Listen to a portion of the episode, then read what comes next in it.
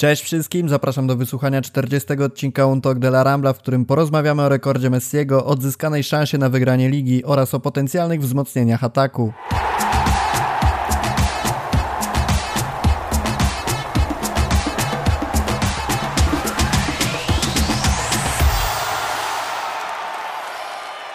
Witamy Was w 40 odcinku podcastu. Są dzisiaj ze mną Maciej Łoś. Cześć, witam wszystkich. A także Maciej Machaj. Serwus. Skład na pewno niespodziewany, ale mam nadzieję, że będzie gościł częściej u nas na podcaście, także chłopaki, trochę was nie było. E, zebraliśmy trochę pytań na Twitterze, postaramy się odpowiedzieć na wszystkie. Pamiętajcie o tym, że możecie nam zadawać zarówno na Twitterze, jak również na, na Rambli, na fcbarsa.com, w komentarzach, gdzie tylko chcecie. Pamiętajcie o hashtagu UTDLaRambla, również w komentarzach na YouTubie. Na pewno wszystkie przeczytamy i, i odniesiemy się do nich w kolejnych odcinkach. Możecie także sugerować tematy podcastów na następne nagrania. Zachęcamy, zapraszamy, żeby, ty, żeby tematy zawsze odpowiadały Waszym potrzebom. Robimy to dla Was. E, słuchajcie, przejdźmy od razu do pierwszego tematu, nie ma co dłużej przeciągać. 700 67 mecz Messiego w, e, w barwach Barcelony w oficjalnych spotkaniach. Tym samym zrównał się z Szawim, który pod tym względem był dotychczas rekordzistą. Nigdy nie mówimy, że na 100%, ale myślę, że możemy śmiało powiedzieć, że wkrótce zostanie zawodnikiem z największą liczbą oficjalnych spotkań w barwach Barcelony w tej pięknej, ponad 120-letniej historii klubu. E, Kuman na konferencji powiedział, że ciężko jest powiedzieć coś odkrywczego, to najważniejszy piłkarz w historii Barcelony i że cieszy się, że cały czas jest z nami. Jak wy podchodzicie do tego rekordu? Cieszycie się, martwicie, że jednak nie odszedł i udało mu się to przebić? Jak to wygląda u was?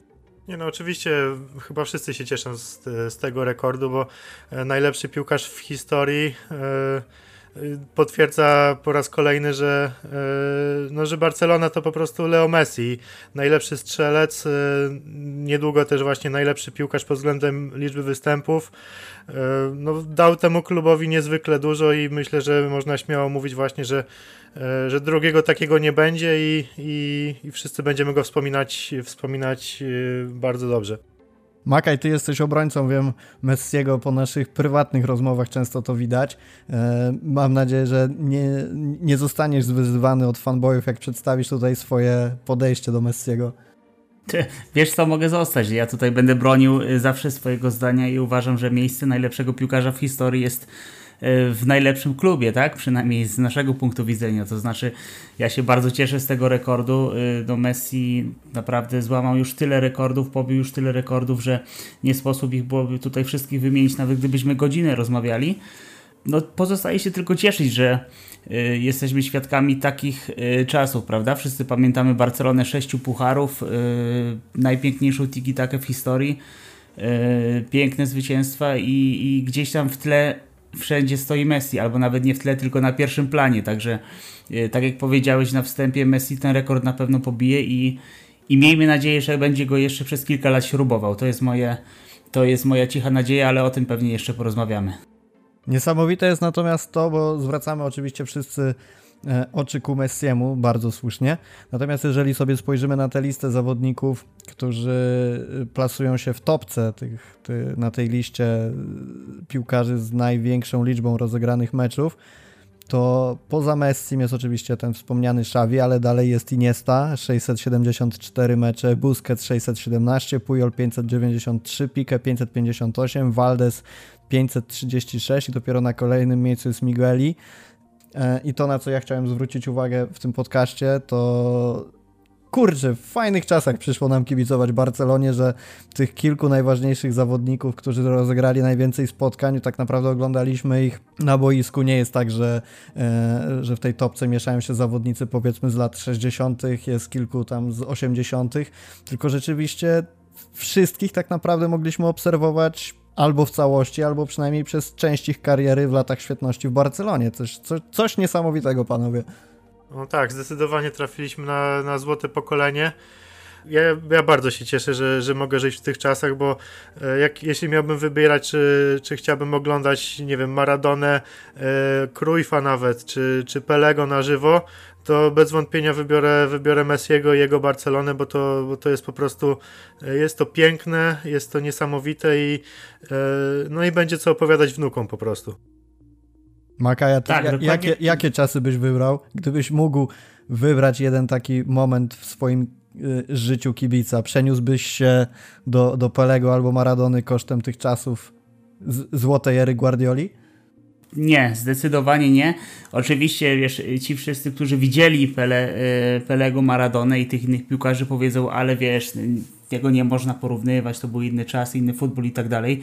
Zgoda, natomiast yy, to, co wcześniej wspomniałem, ta Barcelona sześciu pucharów, yy, te, te lata 2008-2011 to była po prostu Barcelona magiczna, o której wtedy mówił cały świat, niezależnie od tego, czy kibicował Barcelonie, czy nie. I myślę, że oglądając to na żywo i będąc świadkiem takiej historii, yy, nikt inny nie zamieniłby się na żadne piłkarskie czasy, nawet tych najlepszych i największych mistrzów.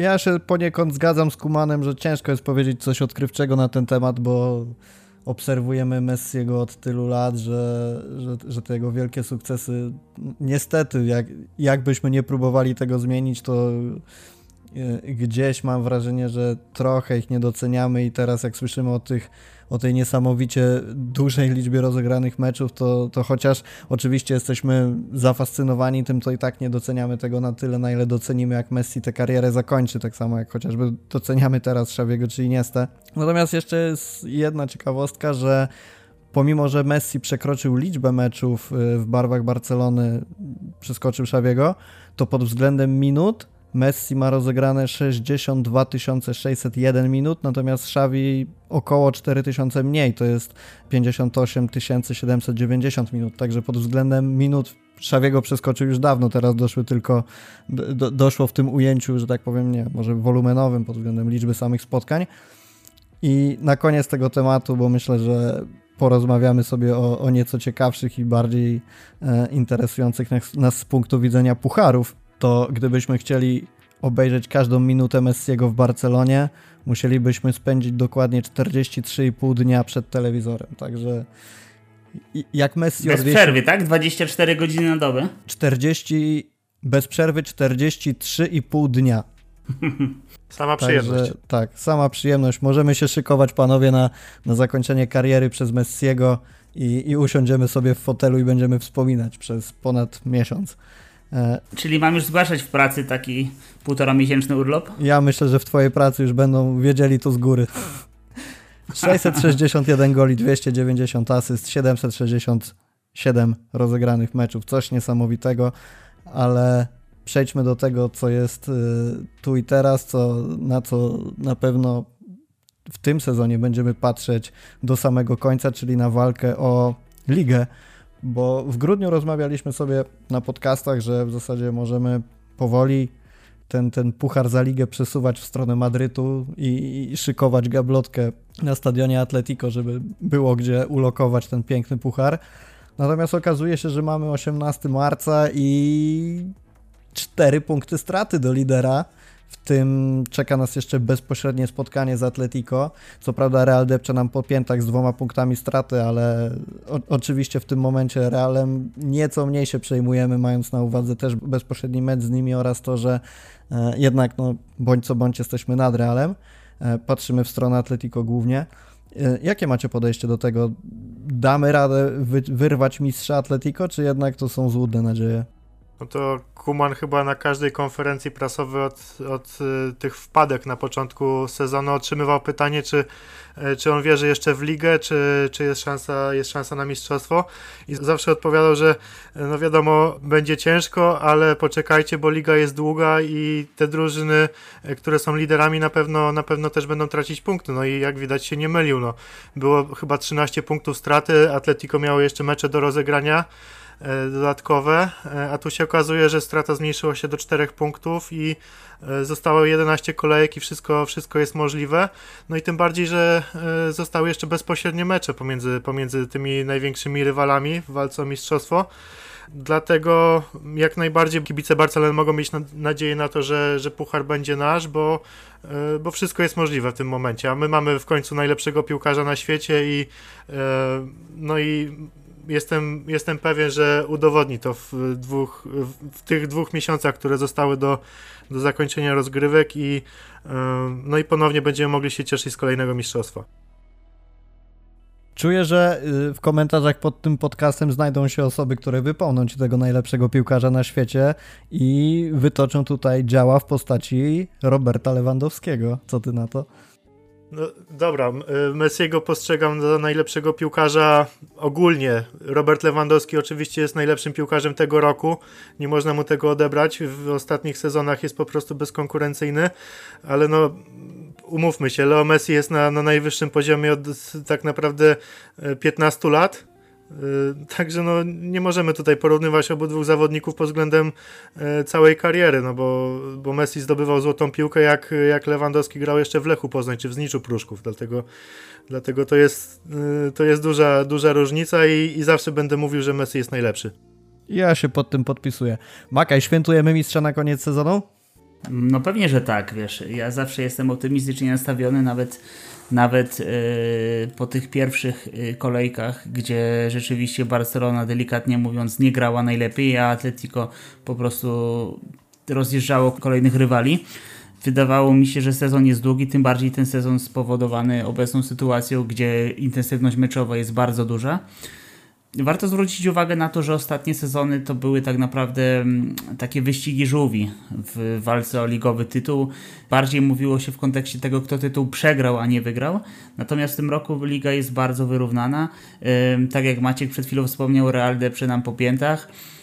Natomiast my deprzemy po piętach Atletico i, i pewnie najważniejsze będą te mecze bezpośrednie.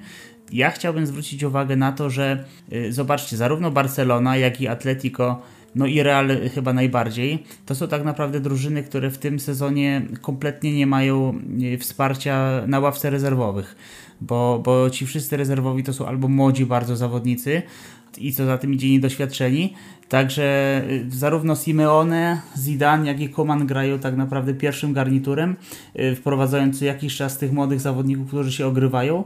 No i zobaczymy, jak to wszystko zda egzamin na koniec sezonu. Ja jestem optymistą i wierzę, że, że ten tytuł poświętujemy na koniec sezonu i obejrzymy sobie te wszystkie minuty Messiego, także myślę, że nawet dłużej niż półtora miesiąca urlopu będzie potrzebne.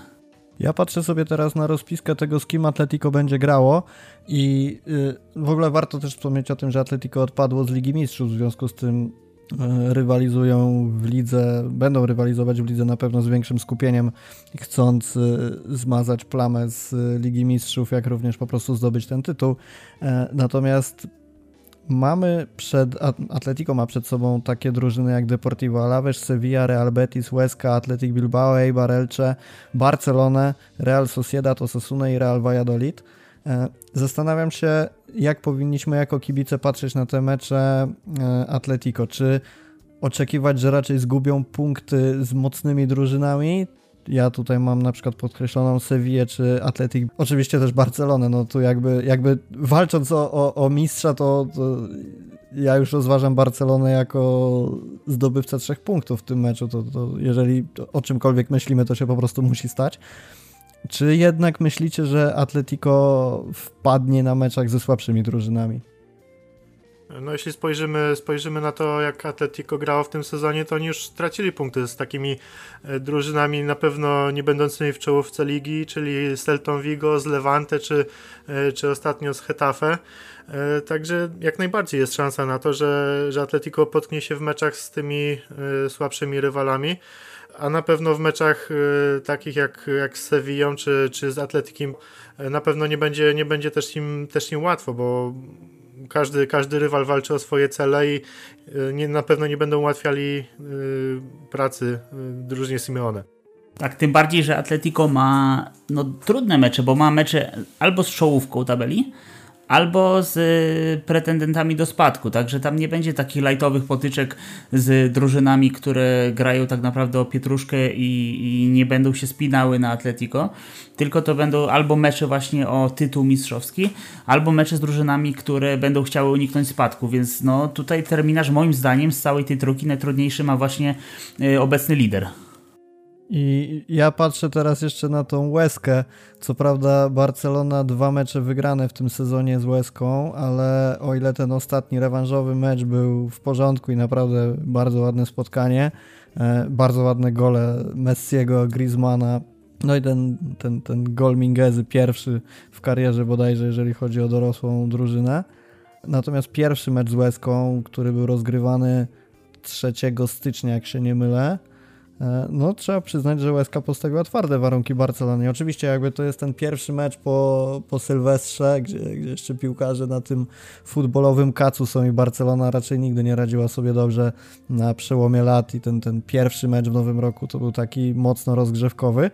Natomiast z drugiej strony mam w głowie to, że jednak te twarde warunki, warunki potrafili postawić i dlaczego miałoby się to samo nie stać z, z drużyną z Madrytu. No tym bardziej tak jak mówicie, że są drużyny walczące o, o utrzymanie się. Zobaczymy, co się stanie. E, a Barcelona, kogo powinno się obawiać najbardziej?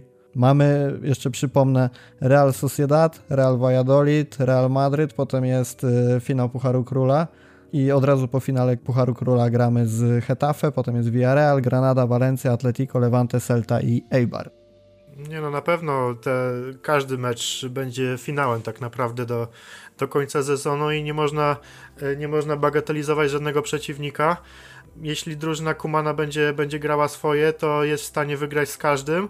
E, myślę, że wszystko, wszystko zależy właśnie od, od samej Barcelony, jak, jak będzie podchodziła do meczów i czy, czy ci najważniejsi zawodnicy będą w formie, bo, e, bo jeśli tak, to, to jest jak najbardziej wszystko do zrobienia. Tak, oczywiście, że tak. No, bardzo ważny będzie teraz ten niedzielny mecz Sociedad. E, jeżeli tam się uda wygrać i, i później pokonamy Yy, chyba to jest w niedzielę wielkanocną Valladolid, no to będziemy przystępować do klasyku naprawdę z mocnej pozycji i wiecie, może być tak, że, że to się wszystko rozstrzygnie w następnych kilku kolejkach i ostatnie dwie, trzy to będzie tylko formalność, a, a może i co na pewno byłoby ciekawsze dla kibiców, nie tylko dla nas, ale ogólnie dla kibiców piłki nożnej, yy, nie tylko w Hiszpanii, czy kibiców nie tylko Barcelony, może będzie tak, że będziemy się bili o tytuł do ostatniej kolejki i i, I, jest to też prawdopodobnie, bo różnica między pierwszą a trzecią drużyną w tej chwili jest, jest, jest naprawdę znikoma i, i tam się jeszcze wszystko może wydarzyć. Tym bardziej, że mamy przecież bezpośrednie mecze, prawda? Barca, Atleti i Real grają jeszcze z sobą, także Także, no tak jak powiedziałeś Maćku, każdy mecz będzie finałem, to jest piękny slogan, ale w tym przypadku to się na pewno sprawdzi. A nie obawiacie się meczu z Realem? No, mam na myśli oczywiście Real Madryt, bo cały czas mówimy o tym bezpośrednim starciu między Barsą a Atletico. Mówimy, że e, my jesteśmy drudzy, oni są pierwsi, bardzo dużo się wyjaśni w tym bezpośrednim starciu, ale czy nie jest czasem tak, że trochę zapominamy o tym Realu, który z jednej strony, tak jak wspomniałem wcześniej, jesteśmy nad nimi dwa punkty i, i, i jesteśmy jakby w tej bezpośredniej konfrontacji z nimi zależni tylko od siebie na ten moment, Natomiast, żeby się nie okazało, że tak bardzo zapatrzymy się na Atletico, że gdzieś wtopimy z tym Realem i okaże się, że mimo wszystko nas przeskoczą. Z drugiej strony, wyobrażam sobie, e, nie wyobrażam sobie, że można e, zlekceważyć jakkolwiek Real, tym bardziej, że wiemy, jakie są różnego rodzaju zaszłości między tymi klubami. Natomiast, czy, czy z Waszej perspektywy nie jest trochę tak, że zapominamy o Realu? Nie, nie wydaje mi się, że zapominamy o Realu, ale też y, bądźmy realistami. To nie jest ten Real y, z tej pierwszej kadencji Zidana. Y, drużyna, która naprawdę grała, grała dobrze, przynajmniej ten środek pomocy był na pewno młodszy niż teraz, nie? I to wydaje mi się, że też Real ma swoje problemy i to, i to doskonale widać. Dlatego wydaje mi się, że Barcelona ma więcej argumentów na papierze przynajmniej, żeby, żeby wygrać to, to spotkanie. E, no, przypomnijmy też, że nie ma kibiców, to, to Real nie będzie miał przewagi własnego boiska. No ale oczywiście, no, tak samo Królestwy walczą o mistrzostwo i na pewno nie odpuszczą tego meczu. Jest to po pierwsze bardzo prestiżowe spotkanie, a po drugie mecz, który może za, zaważyć o mistrzostwie Hiszpanii, dlatego no, nie można tego zlekceważyć jak najbardziej. Ja bym akurat w kontekście rywalizacji z Realem zwrócił uwagę na dwie rzeczy. Y, po pierwsze, chęć rewanżu ze strony Barcelony po tym, po tym y, przegranym meczu 1 do 3 y, na Camp Nou. A po drugie, to jest fakt, że Real jednak jest ciągle w grze o, Lidze Mistrzów, o Ligę Mistrzów i i tak naprawdę, no oczywiście nie, nie wyobrażam sobie sytuacji, w której podopieczni Zidana skreślą ligę i powiedzą skupiamy się tylko na Europie, ale jednak ciągle będą mieli w głowie, że, że jakaś, jak nie zdobycie mistrzostwa to nie będzie w tym sezonie jakiś, jakaś wielka porażka, natomiast jeżeli uda się ugrać w Europie coś więcej, chociażby dojść do półfinału, to na pewno, to na pewno ten sezon w kontekście tego, co się działo, będzie w Madrycie yy, również uznany za nie najgorszy. Y, więc, więc myślę, że na pewno nie należy się Realu obawiać, nie należy, się, nie należy go też lekceważyć, natomiast też jestem optymistą i jestem zdania, że, że wyjdziemy z tego starcia obronną ręką. A w tym wszystkim fajne jest to moim zdaniem jeszcze, że jakiś czas temu, gdybyśmy spojrzeli na ten terminarz, znaczy to nie wiem, czy można to określić jako fajne, ale na pewno dodaje smaczek tej rywalizacji. Kiedyś, gdybyśmy sobie spojrzeli na ten terminarz, to prawdopodobnie tak, Real Valladolid byśmy sobie z tej rywalizacji wykreślili, e, Granadę też, mm, Levante, Celta i Eibar to tak po 5-0. Natomiast teraz w kontekście tej rywalizacji o mistrzostwo patrzymy na te drużyny, tak jak Maciek powiedział, jako, jako że każdy kolejny mecz jest finałem i to nie tylko dlatego, że mamy stratę punktową do Atletico, tylko moim zdaniem też dlatego, że te drużyny rzeczywiście zaczęły pokazywać bardzo fajny futbol i jeżeli zbiegło się to ok, to prawda, zbiegło się to z słabszą formą tych gigantów jak Atletico, Barça i Real, natomiast rzeczywiście jest teraz tak, że siadając do spotkania Barcelona-Granada, ja przynajmniej nie wiem, czy macie takie samo zdanie. Nie oczekuję tutaj jakiejś goleady i, i 4-0 dla Barcelony w pierwszej połowie. Tylko, no, no rzeczywiście, rzeczywiście fajnie się ta liga wyrównała z dwóch względów: podniesienie poziomu reszty drużyn i, i obniżka Barcelony, co, co myślę fajnie przełoży się na rywalizację w tych ostatnich tygodniach ligi. Słuchajcie, mamy jeszcze do omówienia takie tematy bardzo ważne, jak to, kto będzie nam strzelał gole w przyszłym sezonie. E, dostaliśmy kilka pytań odnośnie do, do wzmocnień, ale też odnośnie do tego, kogo należałoby sprzedać. Także otwieramy segment o marzeniach o Halandzie. To jest dokładnie ten moment. Natomiast zaczniemy sobie od pytań z Twittera. Przypominam, że możecie nam je śmiało zadawać. Na formatce, jeżeli oglądacie nas na YouTubie, macie nasze e, niki z Twittera. Pytanie zadał Dawid. E, poprosił, żebyśmy odnieśli się do sytuacji z Dembele. E, czy lepiej jest go sprzedać, czy jednak warto przedłużyć kontrakt? I dodaję drugie pytanie, czy Aguero jako joker e, wchodzący z ławki to odpowiednie wzmocnienie na pozycji napastnika? No to panowie, co robimy z tym Dembele? Sprzedajemy? Ja bym go zostawił, bo pomyślmy, no za ile możemy sprzedać Usmana Dembele, jeśli będzie mu się kończył kontrakt za rok E, no to nie wiem, kwota 40 milionów może wchodzi w grę. E, a mówimy o piłkarzu, który ma dopiero niecałe 24 lata. E, praktycznie cała, cała jeszcze taka poważna kariera przed nim, bo, bo wiadomo, że piłkarze osiągają, osiągają swój szczyt dopiero za, za kilka lat i myślę, że on może na spokojnie jeszcze być jednym z liderów ofensywy Barcelony i pozbywanie się takiego mimo wszystko bardzo perspektywicznego zawodnika moim zdaniem byłoby głupie, bo nie dostaniemy za niego takich pieniędzy, jakie, jakie za, za niego wydaliśmy 4 lata temu.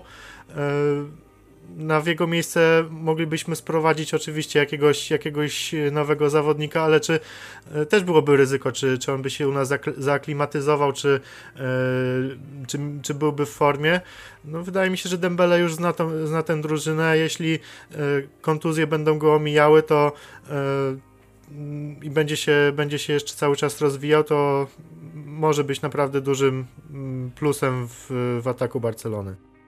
A nie sądzisz, że y, z jednej strony mówimy o kwocie, za którą mógłby odejść, ale z drugiej jeszcze dochodzi do tego, jaką pensję pobiera i czy nie lepiej byłoby go sprzedać? Nie mówię jakby o zakupie kogoś w jego miejsce na razie, tylko chodzi mi o samym zejściu z pensji, coś co widzieliśmy na przykład w przypadku Suareza.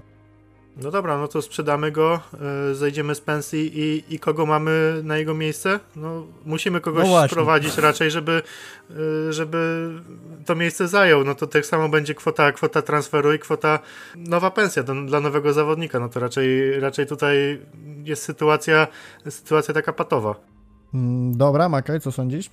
Tak, zgadzam się z Maćkiem, że, że sprzedaż w tym momencie nie miałaby sensu, bo i tak musielibyśmy za kogoś zapłacić i komuś dobrze zapłacić. No ja tutaj biję się w pierś, bo przyznam szczerze, że, że po pierwszym sezonie Dembele w Barcelonie raczej byłem za tym, żeby go sprzedać natychmiast i odrobić chociaż część pieniążków z tego, który, co zostało wydane. Natomiast teraz mam wrażenie, że Dembele się zmienił. Rzeczywiście czytamy ciągle, że zmienił nawyki, zmienił dietę, lepiej się prowadzi. Co widać też na boisku, prawda? Jeżeli tylko, tak jak Maciek powiedział, będą go miały kontuzje, to myślę, że będziemy mieli grajka na lata i, i, i też chciałbym, żeby został. To ja wam powiem, że mam bardzo mieszane uczucia, bo przez od kiedy Dembele do nas przyszedł, w zasadzie od kiedy pojawił się jego temat, to ja miałem wrażenie, że to jest taka nieudolna próba zastąpienia Neymara i do teraz mam w zasadzie takie samo wrażenie. E, czy bym go sprzedał? E, Michał Zawada w ogóle dodał pytanie też na Twitterze, za ile można realnie sprzedać Dembele rok przed końcem kontraktu i kim go możemy zastąpić?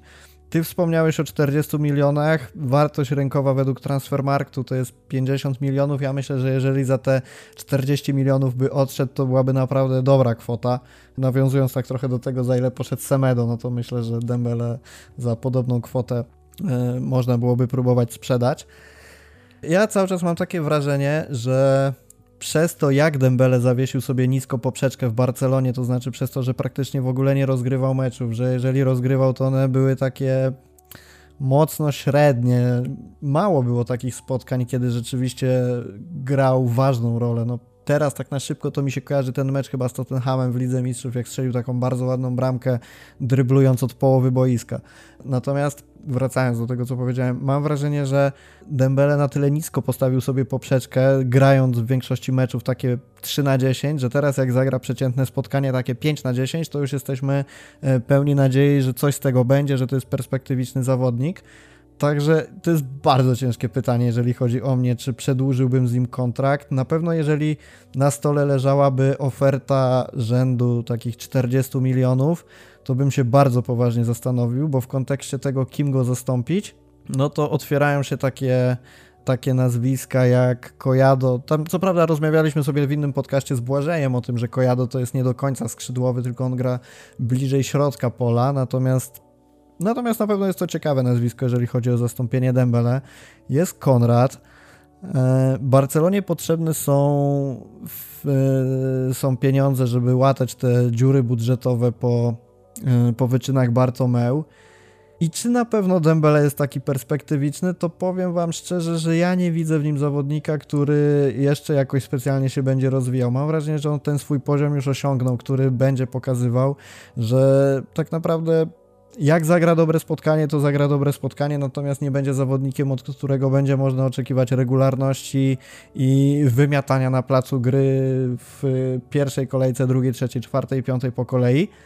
Z drugiej strony, biorąc pod uwagę, że rzeczywiście, jeżeli chodzi o zastąpienie go jakimś takim nazwiskiem, które wchodzi do gry i robi różnicę od razu, no to, to tak jak mówicie, nie nasuwa mi się takie nazwisko tak od razu, e, bo, te, bo chociażby to, o czym wspomniałem, że Kojado i Konrad, no to, to nie mamy pewności, że oni wejdą i nie będzie tak naprawdę to samo albo jeszcze gorzej, że po prostu znikną, bo takich, takich historii pokroju Jeffrena, Quenki, Teo, Deulofeu to mieliśmy już sporo i chociaż nie życzę oczywiście tego chłopakom, to może okazać się, że byłoby tak samo. Myślę, że jestem na pewno bliższy sprzedania Dembele niż wy i bardzo poważnie bym się zastanowił, mając na biurku kontrakt, znaczy ofertę z innego, z innego klubu. Wszystko by tak naprawdę zależało od kwoty.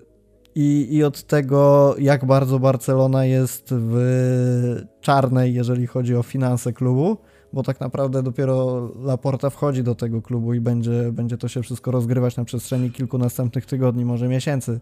I, i, i zobaczymy, jak bardzo te finanse są potrzebne. E, także tak, no, no jest... Tylko pytanie, ty... no? Tylko pytanie, tylko pytanie, Rafał, czy wiesz, nawet jeżeli uda się go sprzedać za te 40 milionów, o których mówimy, to czy za 40 milionów będziemy w stanie kupić kogoś, kto będzie gwarantował, nie mówię, że wyższy poziom, ale taki sam, bo, bo, bo, bo tutaj przyznaję Ci rację, że Dembele y, jednak nie postawił sobie wysoko poprzeczki i nawet jego występy y, dosyć przeciętne na tle tego, co grał wcześniej, nam się wydają dobre. Y, więc tutaj się trzeba zastanowić, czy rzeczywiście sprzedać i inwestować w kogoś, kto, kto nigdy tego nie będzie gwarantował tej jakości wyższej, ale będzie dawał jakieś nadzieje, czy zostawić i, i czekać, y, że Dembele rzeczywiście odpali. No ja jestem za drugą opcją, Maciek z tego co słyszałem też, ty za pierwszą, także zobaczymy kto będzie miał rację po sezonie. Wiecie, jest jeszcze taka kwestia, że Dembele ma bardzo efektowny styl gry, to znaczy super dribbling, jest bardzo szybki, bardzo zrywny. I jeżeli będziemy sobie szukać na rynku podobnych nazwisk do niego, no to raz, że pewnie będą to jakieś wielkie i drogie nazwiska, a jeżeli będziemy szukać mniej znanych nazwisk i, i, tutaj wchodzi do gry rola scoutów i gdzieś tam spojrzymy sobie na przykład na Ligę Brazylijską, no strzelam, to, to okaże się, że tak naprawdę albo będziemy szukać wśród drogich nazwisk, albo wśród takich piłkarzy, którzy i tak i tak okażą się drodzy, jeżeli będziemy chcieli ich kupić ze względu na to, że wiemy, no e, piłkarze grający efektownie, dryblujący i tak dalej często okazują się drodzy, no bo, bo gdzieś tam upatruje się w nich e, drugiego Neymara, czy, czy Ronaldinho, czy kogo tam jeszcze można sobie wymyślić. Jeżeli miałbym zostawić Dembele w Barcelonie, to na pewno trzeba brać pod uwagę obniżki pensji i na pewno nie chciałbym, żeby to był kontrakt długi. Na pewno zależałoby mi na tym, żeby zobaczyć, jak ten jego rozwój się potoczy. I też, wiecie, nie podchodzić do tego, że damy mu pięcioletni kontrakt i dajemy mu super szansę na rozwój, tylko raczej zobaczyć, jak on wykorzysta ten następny rok, następne dwa lata i dopiero podjąć decyzję. I w tym czasie nieustannie rozglądać się na rynku za tym, kogo, kogo możemy kupić. A przechodząc do tego, kogo możemy kupić, a w zasadzie pozyskać za darmo w związku z kończącym się kontraktem, jest Kun Aguero. Tutaj również odnosimy się do pytania Dawida. Przypominam, czyli jak Aguero sprawdziłby się jako Joker wchodzący z ławki.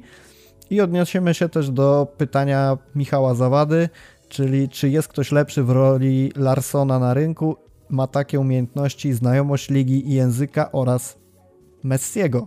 Jak podchodzicie do transferu Aguero?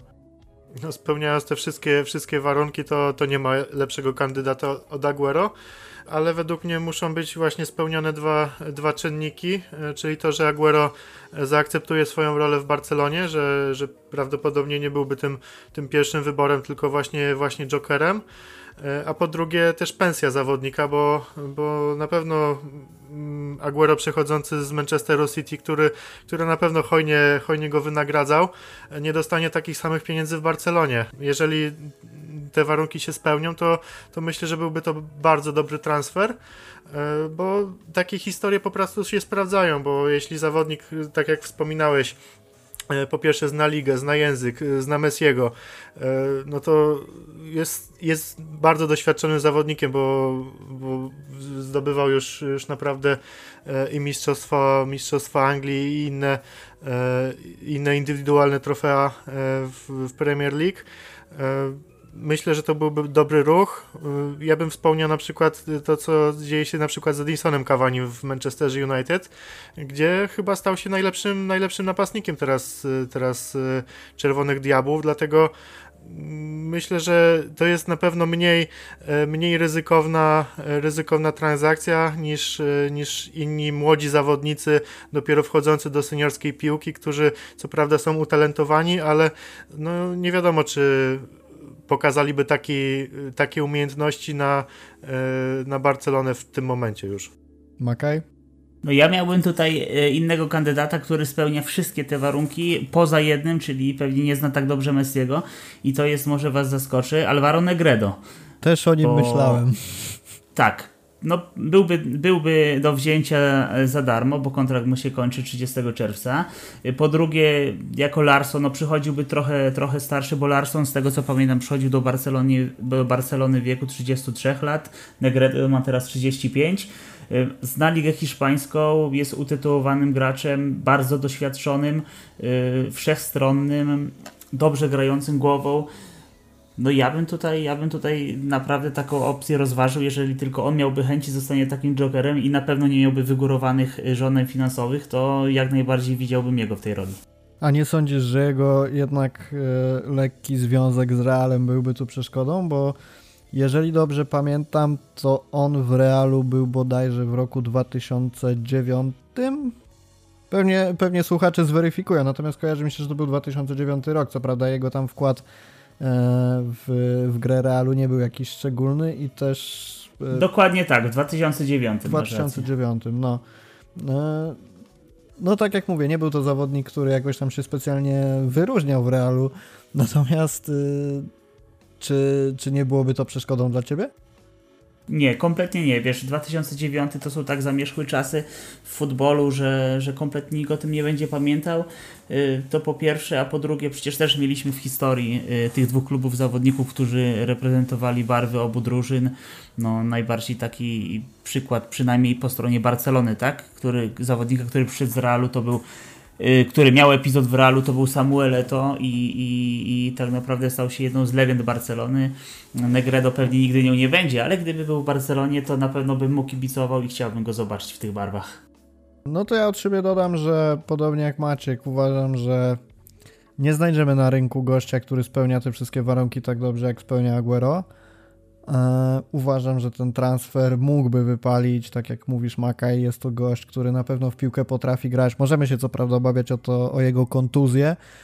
Natomiast mam cały czas, wiecie co, takie coś odnośnie tych kontuzji, że Mówimy o tych urazach, o prawdopodobieństwie, że spędzi większość sezonu w szpitalu. Z drugiej strony Real kupił super zdrowego Hazarda i okazuje się, że nie jest w stanie rozegrać iluś tam meczów z rzędu, bo ląduje non-stop w szpitalu, także może się okazać równie dobrze, że Aguero przyjdzie do nas i w roli Jokera będzie się sprawdzał świetnie. Tym bardziej no, widzimy, że w Barcelonie zaczęto stawiać na to przygotowanie fizyczne, chociażby po tym, jak postawili na nogi Dembele. Także ja jestem na tak, jeżeli chodzi o transfer Aguero w roli Jokera, natomiast z drugiej strony nie rozwiązuje to problemu tego, kto byłby tą podstawową dziewiątką. Chyba, że założenie jest takie, że Aguero będzie podstawową dziewiątką, no to wtedy, jeżeli spina się to finansowo i rzeczywiście by odpalił, no to ok. Natomiast jeżeli miałby grać jako Joker, no to nadal po potrzebujemy tej podstawowej dziewiątki. Tutaj pytanie, kto by mógł to być. O, o Halandzie za chwilę. A propos tego, kto mógłby być lepszym zastąpieniem, znaczy innym rozwiązaniem niż Aguero, to ja sobie pomyślałem o, o Negredo, tak jak ty, Makaj. Pomyślałem sobie jeszcze, gdzieś pokrótce przeleciał mi Soldado przez głowę. E, natomiast to, to, to tak szybko jak mi wpadło, tak szybko mi wypadło. E, pomijam moje absurdalne jakieś wspomnienia o Del Piero, Canute, Luisie Fabiano, którzy nie wiem skąd mi się wzięli, ale, ale się wzięli na moment. Natomiast jeżeli sobie spojrzymy na Celtę Vigo, to mamy tam takiego przyjemniaczka jak Jago Aspas. Jago Aspas, tak. Tak, który w tym sezonie rozegrał 24 mecze, e, z czego 23 w lidze, ma w całym sezonie w sumie 9 goli, 8 asyst. Do tego jest dosyć trochę, trochę obeznany z kadrą Hiszpanii, 18 meczów, 6 goli, łącznie w Celcie 370 meczów, 161 goli. E, słuchajcie, no Wiem, że byłoby go pewnie ciężko wyrywać z Celty, no bo to jednak my, myślisz Celta, mówisz Aspas, myślisz Aspas, mówisz Celta. E, natomiast podchodząc do tego tak, że moglibyśmy mu w jakiś sposób obiecać powiedzmy jeden czy dwa sezony jako tej podstawowej dziewiątki, pensja pewnie nie byłaby wysoka. Tutaj mówię o takim wariancie, że z jednej strony byłby zawodnikiem takim jokerem, ale z szansą na grę dosyć regularną. Może to się trochę gryzie, ale gdzieś to mi chodzi po głowie. Jest wyceniany na około 10 milionów.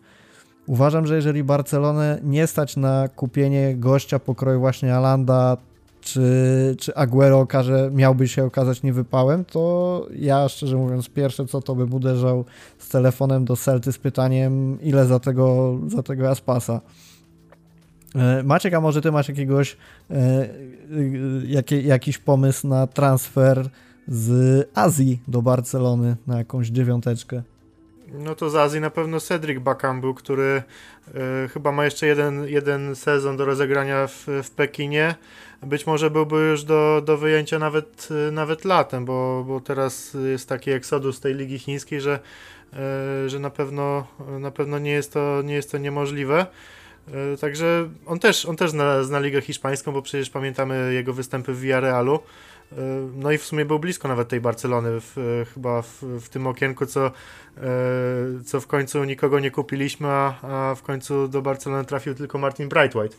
Także wolałbym zdecydowanie zobaczyć Cedrica Bakambu, bo to jest jeszcze młody napastnik i, i na pewno jeszcze mógłby zagrać dobrych kilka, kilka lat na najwyższym poziomie. No dobra, to ten wyczekiwany Haland. Wiemy, że Laporta objął stery w Barcelonie. Znamy jego znajomości z agentem Norwega. E, sądzicie, że jest szansa na taki transfer? Moim zdaniem nie. Moim zdaniem tutaj akurat przeważą względy finansowe i, i, i ten właśnie wspaniały agent, którego przed chwilą wymieniłeś. Myślę, że nie dopuści do tego, no tylko ze względów właśnie finansowych, bo Barcelona na pewno jest jest y, wspaniałą propozycją dla każdego młodego piłkarza. Natomiast pytanie, czy, czy, czy Haaland w ogóle odejdzie już w tym okienku transferowym, bo przecież on się czuje w Borussii, jak grywa w wodzie. Y, zobaczcie, oni ciągle są w Lidze Mistrzów. Y, no w Lidze im się wjedzie może ciut, ciut gorzej, natomiast niewykluczone, że on zagra sobie w Dortmundzie jeszcze jeden sezon. Natomiast jeżeli odejdzie, to, to myślę, że to nie będzie akurat Katalonia. No to ja też, ja też to widzę tak, że e, moglibyśmy na przykład na rok spróbować opcję z Kunem Aguero, a, a za rok uderzać, uderzać e, o, po Halanda, bo, bo też nie wydaje mi się, żeby, żeby Norweg mógł trafić do Barcelony w tym okienku, bo e, skąd e, nagle wzięlibyśmy tyle pieniędzy? E, Laporta musiałby być cudotwórcą, żeby tak szybko załatać dziury budżetowe w klubie i uzdrowić sytuację. No na pewno Haland y, myślę byłby wspaniałym pomysłem, ale chyba bardzo mało realistyczne, żeby to się spełniło w tym okienku. Tak naprawdę nie wiem, czy mówimy teraz już o tej y, dziewiątce pierwszego wyboru, czy o rezerwowym, ale tutaj chyba warto wspomnieć też o Depayu, bo wszystkie, wszystkie znaki na niebie i ziemi wskazują, że, że to byłby, wiesz, wybraniec Komana po pierwsze znają się z kadry narodowej, yy, po drugie no Depayowi też się kończy kontrakt, więc yy, jest to wyjęcie za darmo. Yy, pytanie, kto jemu zaproponuje lepsze warunki, czy Barcelona, czy ktokolwiek inny, natomiast no myślę, że, że, że też Bugmacherzy i gdybyśmy obstawiali u Bugmachera te przejście Depaya, to, to kursy nie byłyby za wysokie. Prawdopodobnie tak i ja jeszcze Depaya widzę w Barcelonie z innego powodu, poza tym, że dobrze sprawdziłby się na, e, na tej pozycji dziewiątki, to pewnie gdzieś jakby go cofnąć na dziesiątkę bądź na skrzydło, to też dałby sobie radę. I ten z jednej strony trochę przeklinałem to szukanie uniwersalnych piłkarzy w Barcelonie, ale na ten moment mogłoby się to okazać ciekawym rozwiązaniem i tak jak mówisz, Kuman gdzieś tam się na niego czai już od letniego okna transferowego.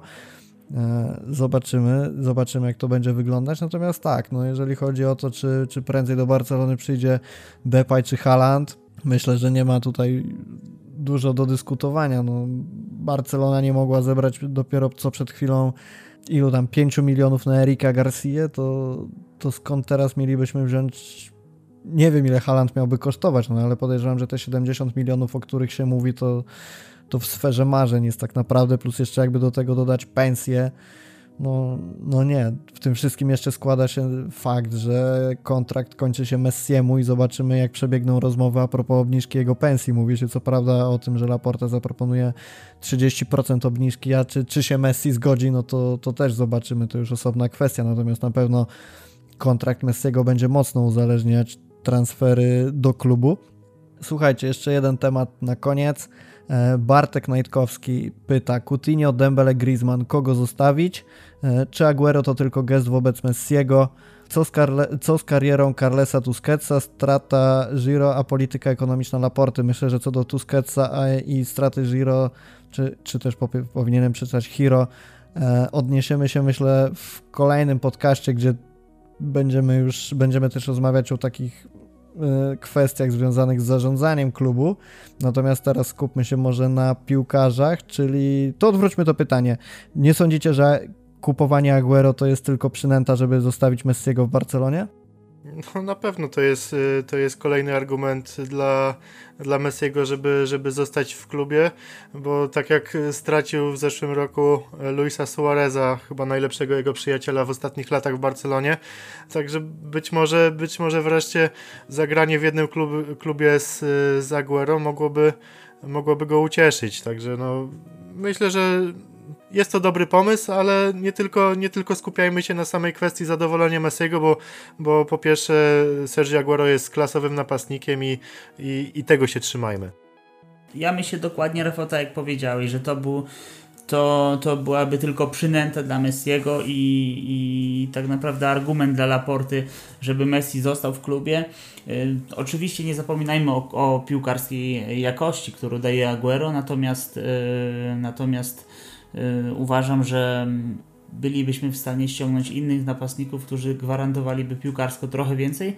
Natomiast jeżeli to byłby czynnik determinujący pozostanie Messiego w Barcelonie, to oczywiście jestem na tak to ja mogę tutaj, tutaj założyć się z wami, że jeśli Aguero przyjdzie do Barcelony, e, to 15 goli w lidze, w lidze strzeli i, i, i mogę tutaj właśnie postawić, postawić, nie wiem, złotóweczkę symboliczną, że, że jeśli, jeśli trafi do Barcelony, to, to taki wynik przynajmniej, przynajmniej osiągnie. To symboliczna złotóweczka stoi na 15 goli Aguero. E, Okej, okay, dobra, to jeszcze ostatni temat, na myślę, to, to już pójdzie nam szybko. E, właśnie Bartek Najtkowski pyta, co dalej z Coutinho i Griezmannem. Dembele już sobie omówiliśmy. I do pytania podłącza się też nasz redakcyjny przyjaciel Radosław Widera co robimy latem z Griezmannem. Ja mogę zacząć, bo nie potrwa to długo. E, Coutinho dla mnie to jest gość, który powinien być już poza klubem. Nie widzę przyszłości w Barcelonie, nie widzę sensu trzymania go w ogóle w klubie. Nie wierzę w jakiekolwiek jego odbudowanie. Dla mnie to jest kwestia tylko tego, za ile pójdzie i gdzie pójdzie. To już mnie tak naprawdę średnio interesuje. E, co do Griezmana, bardzo mi przykro, że tak się zaczęła i tak się kończy jego przygoda z Barceloną, bo piłkarz jest to naprawdę wielki. Natomiast no, nie oszukujmy się, przynajmniej ja tak sądzę, nie ma co go trzymać na siłę i łudzić się, że coś z tego jeszcze będzie. Co do Griezmana, jego opchnąłbym na pewno mniej chętnie niż Coutinho, bo jednak ma te swoje przebłyski, potrafi ważne gole strzelać. Natomiast jeżeli na stole leżałaby fajna oferta, to nawet bym się nie zastanawiał dłużej. E, jest to profil zawodnika, który w Barcelonie nie do końca pasuje, nie potrafi znaleźć swojego miejsca. W Barcelonie potrzebne są pieniądze, więc Griezmana też bym widział szczerze mówiąc poza klubem, tym bardziej, że tak jak mówię, zawodników o jego profilu przeciwieństwie do sytuacji z Dembelem myślę, że jest dużo łatwiej znaleźć i oddaję głos Wam. No to tak, ja na pewno na samym początku y, chciałem przyjścia Coutinho, a nie byłem fanem y, transferu Griezmana, ale chyba y, skłaniam się mm, ku temu, co powiedziałeś Rafał, że, że chyba Coutinho rzeczywiście jest do odstrzału jako pierwszy. Z Griezmanem bym się zastanawiał, bo rzeczywiście on ma takie no, na razie to powiedzmy bardziej przebłyski, gdzie, gdzie jest kluczowym zawodnikiem. Na pewno trzeba wymagać od niego znacznie więcej niż, niż do tej pory, bo, bo też, też nie może być, że, e, że on będzie przechodził przez 2-3 e, mecze i, i odpali, odpali dopiero w czwartym.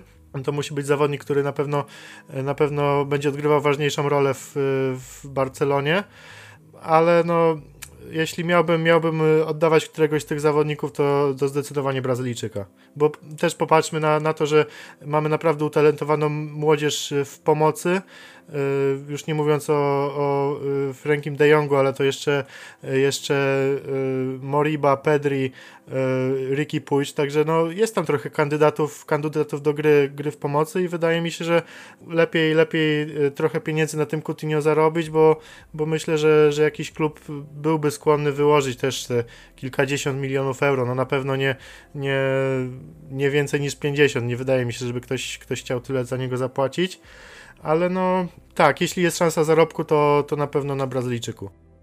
Ja tutaj akurat podzielam wasze zdanie, nie będę, nie będę protestował, jeżeli Barcelona będzie chciała sprzedać zarówno Coutinho, jak i Griezmana i za pieniążki zarobione na tych dwóch piłkarzach, y, a myślę, że gdyby się udało sprzedać obu, to myślę, że 70 milionów euro czy 80 wpadłoby lekką ręką. Za te pieniądze sprowadziłbym nazwisko, które jeszcze dzisiaj nie padło, a jest na pewno gorące na rynku transferowym, to jest Andre Silva z Frankfurtu. Bo myślę, że, że tutaj budżet, yy, budżet jaki, jaki kluby, jakikolwiek klub musiałby przeznaczyć na niego, to są granice 40 milionów euro, tak go wycenia przynajmniej Transfermarkt, więc nawet jeżeli to byłoby trochę więcej, bo sezon ma naprawdę nieprzeciętny, to, to, to, to z tego grajka na pewno byłaby, byłoby dużo pożytku. Pytanie tylko, czy będzie pasował do drużyny, tak? No bo Griezmann to, to nie jest środkowy napastnik, tylko on jest bardziej przyklejony do skrzydła, Coutinho też, a, a jednak Silva to jest, to jest taka dziewiątka. No i, i, i bardzo jestem ciekawy, do jakiego klubu trafi, bo, bo, bo jestem w stanie się założyć nawet o więcej niż złotóweczkę, że, że Frankfurt dopuści po sezonie. To na koniec jeszcze pytanie, które co prawda miało być na początku, ale e, uciekło mi, żeby je zadać. Zadał je Maciej Łoś na Twitterze. E, Maciek, może chcesz odpowiedzieć, jak to jest być redaktorem FC Barsa.com? Nie no, to jest zdecydowanie wspaniała przygoda, bo po pierwsze e, mogę robić e, coś e, związanego z moim ukochanym klubem, któremu kibicuję, kibicuję od, od, praktycznie od dziecka, a po drugie robić to w tak wspaniałym zespole, bo naprawdę jest tutaj e, wielu, e, wielu fantastycznych ludzi. No żałuję, że tak się złożyło, że trafiłem do zespołu w, m, przed, przed pandemią właściwie i e, nie, nie miałem okazji jeszcze uczestniczyć w żadnym, w żadnym zlocie, ale no mam nadzieję, że, e, że jak się już sytuacja uspokoi, to, e, to będziemy mogli się wszyscy spotkać. Makaj, polecasz zloty? O, stary. I tym pozytywnym akcentem kończymy, panowie. Dzięki za wysłuchanie podcastu. 40 odcinek za nami. Zapraszamy do kolejnych. E, Pamiętajcie, żeby dać na YouTubie suba, łapkę w górę, skomentować, czy Wam się podobało, czy nie. Zadawajcie nam śmiało pytania, chętnie odpowiemy. Byli dzisiaj ze mną Maciej Łoś Dzięki, do usłyszenia. i Maciej Machaj. Dziękuję, bardzo mi było ponownie gościć na łamach podcastu. Tak jest, dzięki wielkie chłopaki. Ja nazywam się Rafał Kowalczyk. Do usłyszenia w kolejnym odcinku. Na razie.